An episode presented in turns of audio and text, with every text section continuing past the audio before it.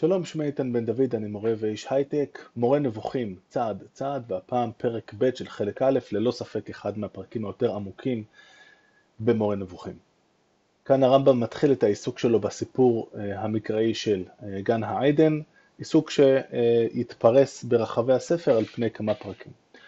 אבל כמו שנראה עוד רגע, בתחילת הפרק הוא בעצם ממשיך את המהלך שתיארתי אה, בפרקים הקודמים, לפיו הוא מנסה לוודא אה, שמי שנשאר איתו אה, בהמשך הספר זה רק אנשים שמבינים שאת הספר הזה צריך לקרוא בצורה שונה מספרים אחרים, בצורה מאוד מעמיקה, להקשיב לכל מילה, הם יודעים, כמו שהזהיר הרמב"ם, שהדיון בספר מפורק לחלקים, אה, כל נושא משמעותי נידון בכמה מקומות, כדי להבין מה הרמב"ם באמת רוצה, אז א', נצטרך להשלים את הדברים בעצמנו, כי הרמב"ם ייתן לנו רק ראשי פרקים, וב', לנסות להבין מהם המקומות השונים שבהם הרמב"ם בעצם מפזר לנו רמזים על אותו עניין, ואז להרכיב את הכל אה, ביחד, ואם עבדנו נכון, נוכל, אינשאללה, לשחזר את כוונתו המקורית של הרמב"ם. בואו נתחיל. איש מלומד הקשה עליי לפני שנים רבות קושייה מופלאה ראוי להתבונן בקושייה הזאת ובתשובה שהשבנו לפותרה. לפני שאמסור את הקושייה ואת פתרונה אומר כל המדבר עברית יודע שהשם אלוהים משותף, שם משותף, ראינו את זה, זה אה, בעצם מילה שיש לה כמה משמעויות, הדוגמה הקלאסית היא המילה עין או המילה ציר בעברית, לכל אחת מהן יש כמה וכמה משמעויות. אז כל המדבר עברית יודע שהשם אלוהים משותף לאלוה, למלאכים ולמושלים מנהיגי המדינות.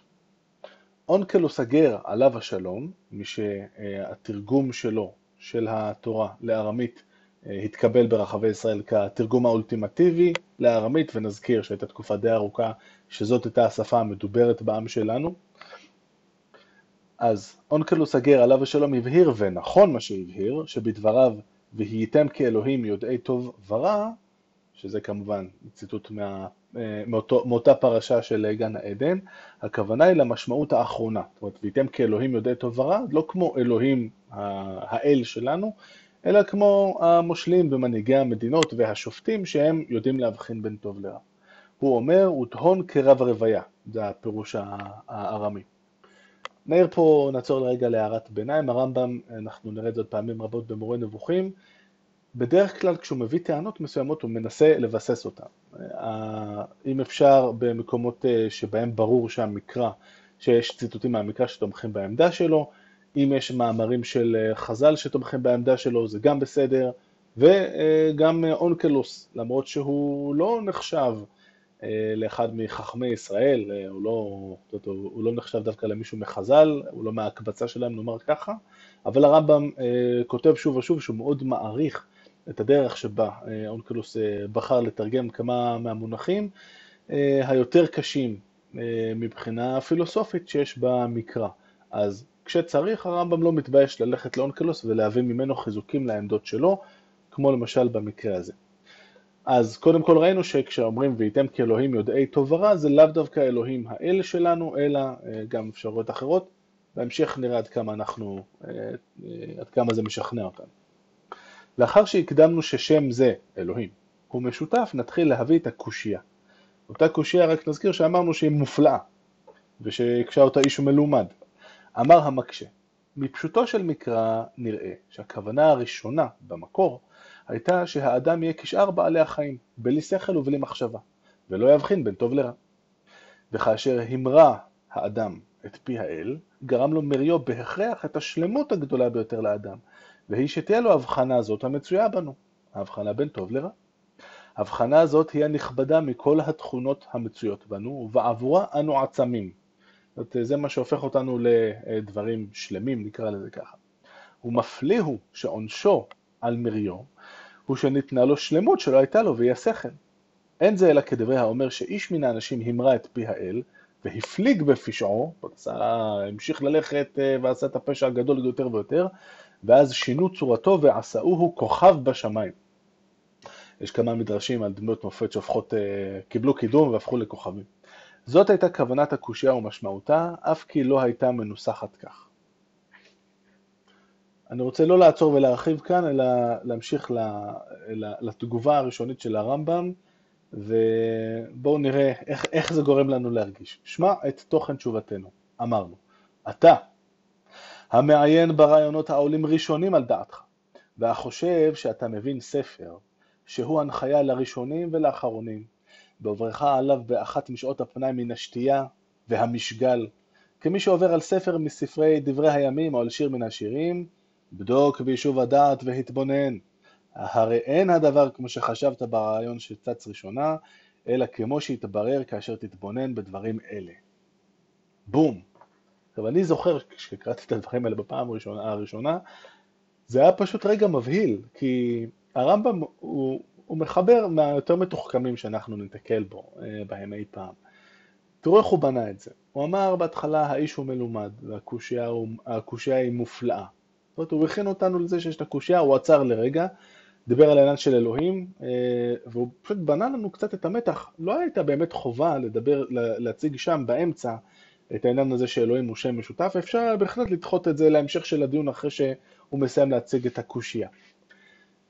אז הוא בנה לנו את המתח ואז הציג את הקושייה וגם כאן הוא יכול היה להציג את הקושייה בצורה אה, שלא, שלא גורמת לה להיראות מוצלחת.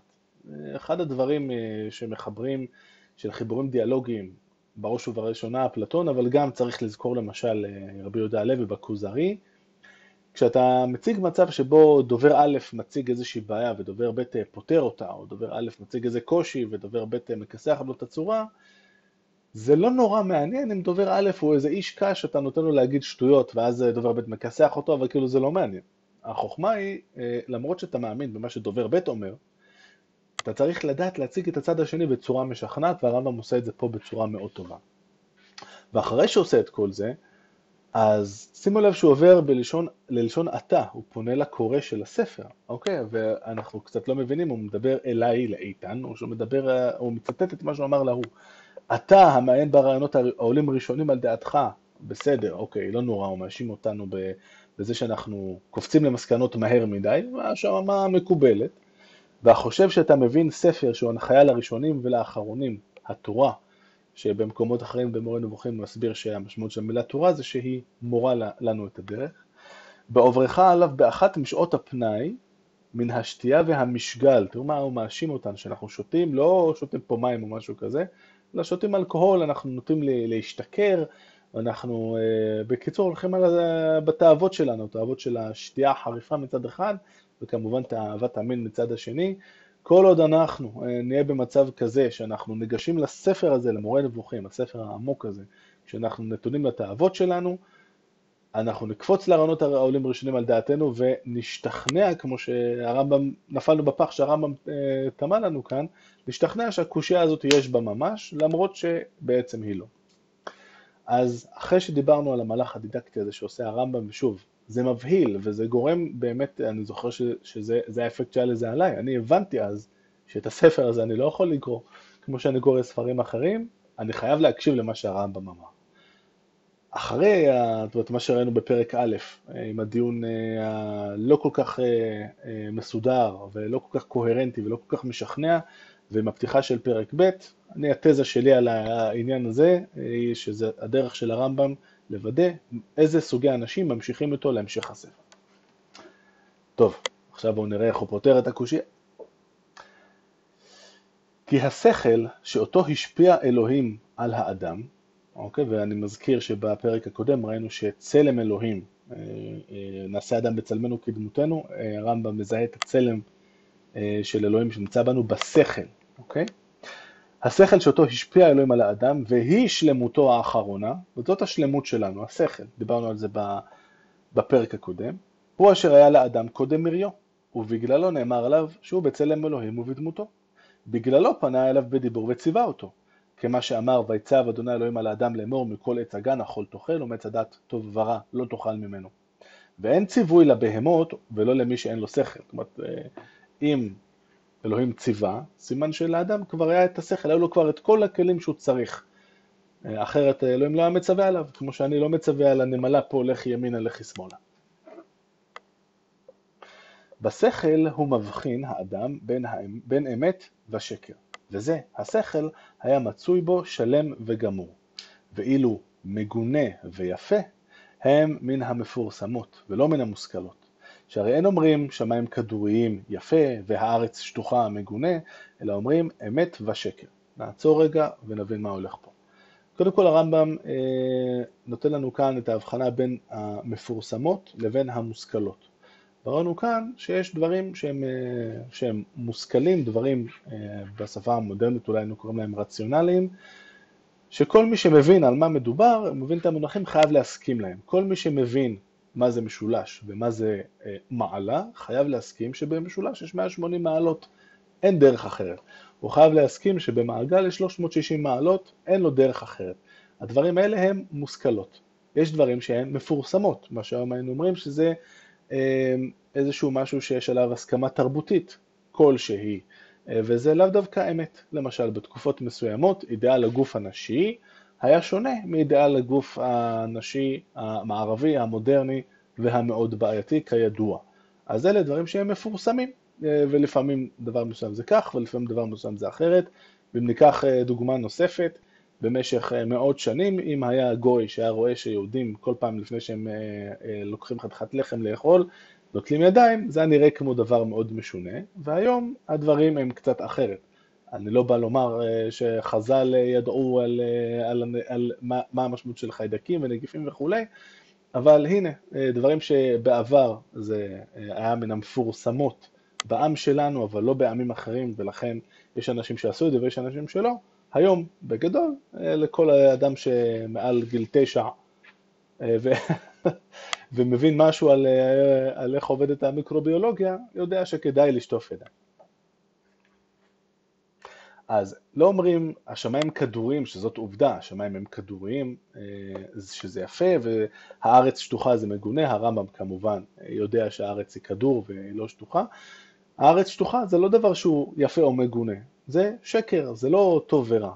אבל אם אני עכשיו מתחיל לחשוב, רגע, תגידו, שווה להשקיע יותר אה, אה, בעבודה כדי להשיג יותר כסף, כדי שיהיה לי כלים, כלים מזהב לאכול בהם, ואז אנשים יקנאו בי, ואני אחוש טוב מזה שאנשים יקנאו בי וכן הלאה. הדברים האלה זה לא קשור לאמת ושקר, זה קשור למה אני רואה כטוב ורע, או יפה או מגונה בתרגום המודרני של שוורץ. גם בלשוננו העברית אנו אומרים על הנכון והכוזב אמת ושקר, ועל היפה והמגונה טוב ורע. והנה בשכל מכיר האדם את האמת מן השקר, וכן הוא בכל הדברים המושכלים. השכל הוא הכלי שלנו, שלנו להבדיל בין מה שאמיתי למה שהוא שקרי או לא נכון. כאשר היה האדם הראשון במצבו השלם, הגמור ביותר, הרי חרף טבע בריאתו ומושכלותיו, אשר בגללם נאמר עליו ותחסרהו מעט מאלוהים, ציטוט מתהילים, לא היה לו בכלל כוח המיועד לעסוק במפורסמות. הוא בכלל לא התעסק עם הדברים האלה. מה שאנחנו קוראים לו מפורסמות, הדברים שהם טוב ורע. הוא לא השיג אפילו את הברור ביותר בין המפורסמות לגנאי, והוא חשיפת הערווה. נכון, הרי האדם, הרגע הראשון שאדם מבין שיש בעיה זה אחרי שהוא אכל מעץ הדעת טוב ורע, זמן טוב להדגיש שזה לא עץ הדעת, אלא עץ הדעת אה, טוב ורע. אז הדבר שכמעט בכל התרבויות מסכימים, אבל זה כמעט בכל התרבויות, לכן זה מפורסמות ולא מושכלות, מסכימים שהוא בעייתי, זה ש... שנלך עם כל הדברים שלנו בחוץ, אז בכלל הוא לא יבין שזאת, שזאת בעיה באיזושהי צורה. דבר זה לא היה, מגונה, לא היה מגונה בעיניו, והוא לא השיג את הגנאי שבו. וכאשר המרה את פי האל, ונטה לעבר תאוותיו הדמיוניות ותענוגות חושיו הגופניים, כפי שאמר כי טוב העץ למאכל וכי תאווה הוא לעיניים, וכמובן ציטוט מאיך שהאישה רואה את אה, פרי עץ הדעת טוב ורע, שימו לב לשתי המילים כאן, כי טוב העץ למאכל ותאווה הוא לעיניים. אז ללכת על התאוות שלנו, זה דברים בעייתיים שהם אה, נגזרים מזה שאנחנו הולכים אחרי טוב ורע ולא אמת ושקר. נענש בכך שנשללה ממנו אותה השגה שכלית. לכן הוא המרה את הצו אשר נצטווה מפאת שכלו, ותהי לו השגת המפורסמות. הוא נשתקע בציון הדברים כמגונים או כיפים. אותה שעה ידע את ערכו של מה שאבד לו ושממנו נתערטל ולאיזה מצב הגיע, לכן נאמר והייתם כאלוהים יודעי טוב ורע. ולא נאמר יודעי שקר ואמת או משיגי שקר ואמת. לגבי ההכרחי אין טוב ורע כלל, אלא יש שקר ואמת. אז רצנו טיפה קדימה, נעצור רגע ונסביר. בעצם הרמב"ם אומר, יש שני צירים שהם נפרדים לגמרי של איך אנחנו מודדים דברים. ציר אחד זה האם הדבר הזה הוא אמת, או הדבר הזה הוא שקר. אמרנו, מתמטיקה דוגמה מצוינת, לא סתם תמיד הולכים למתמטיקה כאן, אה, כי כנראה התחום היחיד שבו הדברים האלה הם דברים שהם יהיו מוסכמים על כולם, אבל זה בהערת אגב. אז זה ציר אחד, הציר של האמת והשקר. הציר, הציר השני זה הציר של האם זה טוב או רע, האם זה מגונה או, אה, או יפה. אז אה, בעצם הבעיה הייתה שהאדם הלך אחרי תאוותיו, זנח את, ה, את השכל שלו ואיבד או נחלשה אצלו היכולת להבחין בין אמת ושקר, ובמקום זה הציר שאליו הוא פנה מעכשיו והלאה זה לבדוק על כל דבר ולהגיד האם זה מגונה או יפה. וכך, למשל אם ניקח את הדוגמה קודם של כלי הזהב שנועדו כדי להוציא לשכנים שלי את העיניים, אז אם אני מתעסק רק באמת ושקר, זה בכלל לא רלוונטי העניין הזה של לאכול בכלי זהב או משהו כזה, זה לא אמת וזה לא שקר, זה קטגוריה, זו קטגוריה אחרת לגמרי. זאת הבעיה, ברגע שאנחנו מפסיקים להתעסק במה אמת ומה שקר, אנחנו מאבדים את היכולת שלנו להגיע למטרה ולהגשים את המטרה העליונה של האדם, להשתמש בשכלו כדי להגיע לידיעת האל כפי כוח האדם. כל האפשרות הזאת להתעסק בייעוד הזה שהרמב"ם רואה לאדם, הולך לפח ברגע שכל מה שאני מתעסק איתו, זה איך אני מוציא לשכן שלי דוד את המעיים מהמעיים, והכל עליי, כמו שאמרו הגששים. התבונן במה שנאמר, ותפקחנה עיני שניהם וידעו כי ערומים הם. לא נאמר ותפקחנה עיני שניהם ויר, ויר, ויראו, אלא זה וידעו. כי מה שראה קודם, פיזית, הוא מה שראה אחרי כן. לא היה לו מעטה על העין והוסר, אלא שבא לו מצב אחר בו חשב למגונה את אשר לא חשב למגונה קודם. זאת אומרת, ותפקחנה עיני שניהם זאת מטאפורה, זה לא שפתאום הם אה, שמו משקפיים וראו את מה שקודם הם לא ממש הצליחו לראות. ודע כי מילה זאת, רצוני לומר פקח, משמשת אך ורק במשמעות של גילוי ראיית השכל, ולא ראיית חוש שנהייתה. זאת אומרת, זה לא ראייה פיזית, אלא זאת ראייה שכלית, השגה שכלית. כגון, ויפקח אלוהים את עיניה, אז תפקחנה עיני עיוורים, פקוח אוזניים ולא ישמע, בדומה למה שנאמר, אשר עיניים להם לראות ולא ראו, הרמב"ם בעצם מביא כמה ציטוטים, החל מהגר שהמלאך פוקח את עיניה והיא רואה את הבאר וכן הלאה, שאמור להיות לנו ברור מהציטוטים האלה שלא מדובר על ראייה פיזית, אלא על השגה שכלית. מה שנאמר על אדם הראשון באיוב, משנה פניו ותשלחהו, פירושו ובאורו הוא, שכאשר שינה את מגמת פניו, גורש. כי פנים הוא שם הגזור מן פנה, שימו לב למדרש או שם או לניתוח הפילולוגי שעושה הרמב"ם, כי האדם בפניו פונה אל הדבר אשר אליו הוא רוצה לפנות. לכן הוא אומר, מה זה משנה פניו ותשלחהו? הרמב"ם שם לב לזה ש... אה, או לפי הפרשנות שלו, קודם הוא שינה את פניו, ואז ותשלחהו. לכן הוא אומר, כאשר שינה את מגמת פניו, הוא פנה אל הדבר אשר קודם לכן נצטווה שלא יפנה אליו, עניין המגונה והיפה, גורש מגן עדן. וזהו עונש השקול כנגד העבירה, מידה כנגד מידה. שכן מותר לו לאכול מן המעדנים במקור, וליהנות מן המנוחה והשלווה, וכאשר נתאווה והלך אחר הנאותיו ודמיונותיו, כפי שאמרנו, ואכל מה שנאסר עליו לאוכלו, מנעו מן הכל, עד שנאלץ לאכול את הפחותים שבמאכלים, אשר קודם לכן לא היו למזון לו, וזאת, כלומר וגם זאת, לאחר עמל והגיעה. כמו שאמר, וקוץ ודרדר תצמיח לך, ואכלת את, ואכלת את עשב השדה, בזעת אפיך תאכל לחם. והוא הבהיר ואמר, וישלחהו אדוני אלוהים מגן עדן לעבוד את האדמה. הוא השווה אותו לבהמות במזונותיו וברוב מצביו, כמו שאמר, ואכלת את עשב השדה. ואמר בהבהירו עניין זה, ציטוט מתהילים, אדם בעיקר בל ילין, נמשל כבהמות נדמו. והרמב"ם מסיים, השבח לבעל החפץ, לבעל הרצון, אשר תכליתו וחוכמתו לא יושגו. מה היה לנו כאן? נעשה אה, תזכורת קטנה. קודם כל היה לנו את המהלך הפדגוגי של לתת לקוראים את הבומבה של ההתחלה, כדי לוודא שמעכשיו והלאה מי שבוחר להישאר, עושה את זה כמו שצריך.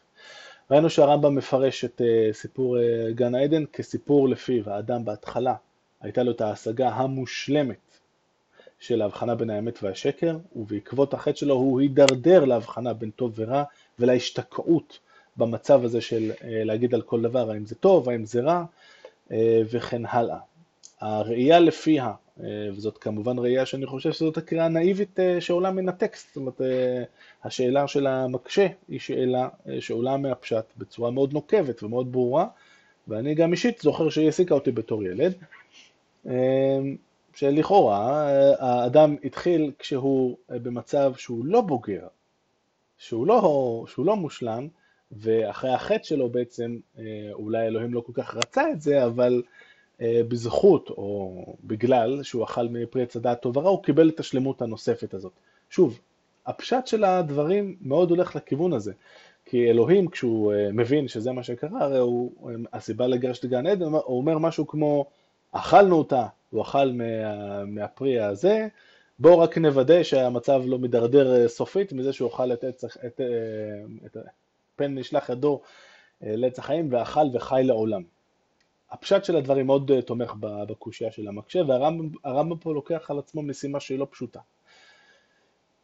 הדיון הזה אה, הוא נקודת הפתיחה אה, בדיון של הרמב"ם במעמד אה, גן, באירועים של אה, גן העדן, זה יחזור על עצמו אה, בהמשך בכמה מפרקי אה, הספר. אה, רק נעיר שיש אה, עוד חלק בדיון שלא מופיע במורה נבוכים, הוא מופיע דווקא במשנה תורה, ומכיוון שאנחנו כאן לוקחים את הזמן, אנחנו ניקח עוד 2-3 אה, דקות ונדבר על מה שקורה שם. ובכן, במשנה תורה, אה, החיבור של הרמב"ם שנכתב בעברית המופלאה שלו לכלל ישראל, יש לנו בהלכות תשובה פרק ה' את הפסקה הקצרה והמופלאה ומעניקת ההשראה הבאה. רשות כל אדם נתונה לו, אם רצה להטות עצמו לדרך טובה ולהיות צדיק, הרשות בידו, ואם רצה להטות עצמו לדרך רעה ולהיות רשע, הרשות בידו. נעצור רגע ונגיד, לנו זה נראה טריוויאלי התפיסה הזאת בתקופה ובהקשר הפילוסופי שבו, הפילוסופי והדתי והתיאולוגי, שבו פועל הרמב"ם, זה ממש לא מובן מאליו. יש עמדות בתיאולוגיה המוסלמית, אה, שלא מעט מחכמי ישראל אה, גם אה, העלולים, אה, והוא בהחלט מאשים למשל את רבי סעד הגאון, שהרמב"ם לא העריך אותו במיוחד, בזה שהוא נופל לכל המדברים, מה שנקרא, המדברים זה אחת ברכתות הפילוסופים המוסלמים, אז אחת התפיסות שמסתובבות בעולם המוסלמי, שבעצם אין לנו חופש בחירה והכל זה הגזירה של אלוהים. הסיבה שהולכים לכיוון הזה, כמו שהרמב"ם יפרט לנו בהמשך במורה נבוכים, הם מבינים שזו קצת בעיה, אבל הם, הם חושבים שאם הם ישללו מאלוהים את השליטה המוחלטת בכל מה שקורה ויעניקו לאדם חופש בחירה, הם ממעיטים ביכולתו של אלוהים, והרי נקודת הבסיס הכי חשוב זה שאלוהים יהיה כל יכול. נחזור לענייננו. הוא שכתוב בתורה, הן האדם היה כאחד ממנו לדעת טוב ורע. בעצם יש פה את הפסוק שבקריאה פשוטה שלו אנחנו מבינים אה, שזה מה שקורה אה, אחרי שהאדם אוכל, האדם והאישה אוכלים מפרי עץ הדעת טוב ורע, אז הן האדם היה כאחד ממנו לדעת טוב ורע, שמה שאלוהים מדבר או אל עצמו בגוף אה, יחיד רבים, סליחה, בגוף ראשון רבים, אנחנו או שהוא מדבר אל המלאכים, וכאחד ממנו לדעת טוב ורע. אבל אה, הפרש... הפירוש הזה לא ממש מסתדר עם מה שיש כאן. אז מה, אז מה, מה בעצם הולך כאן, איך הרמב"ם קורא את הפסוק? בואו נראה מה הוא מסביר. כלומר, הן מין זה של האדם היה אחד בעולם, ואין לו מין שני הדומה לו בזה העניין, שהוא מעצמו בדעתו ובמחשבתו יודע הטוב והרע, ועושה כל מה שהוא חפץ, ואין לו מי שיעכב על ידו מלעשות הטוב או הרע.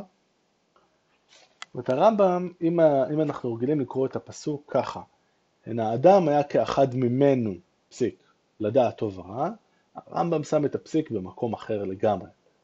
הן האדם היה כאחד. ממנו לדעת טוב ורע. מה זאת אומרת? הן האדם היה כאחד, זאת אומרת האדם הוא ה, אה, היצור היחידי בבריאה שמתקיים בו הדבר הבא.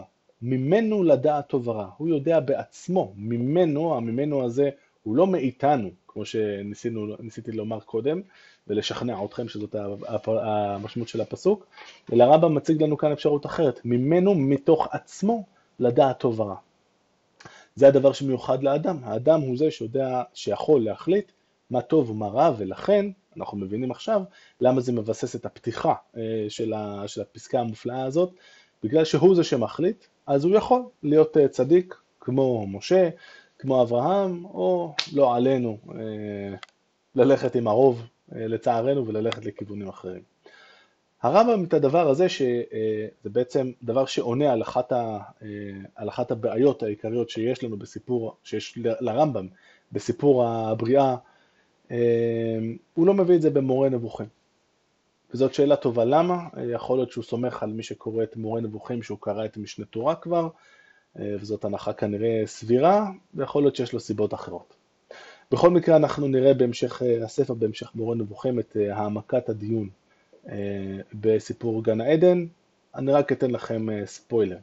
הרמב"ם יסביר לנו בהמשך שמה שקורה בסיפור גן העדן הוא משל, זה לא באמת קרה בדיוק ככה, אבל משל למה הוא לא ממש יגיד בצורה מפורשת, אבל הוא כן יפזר רמזים.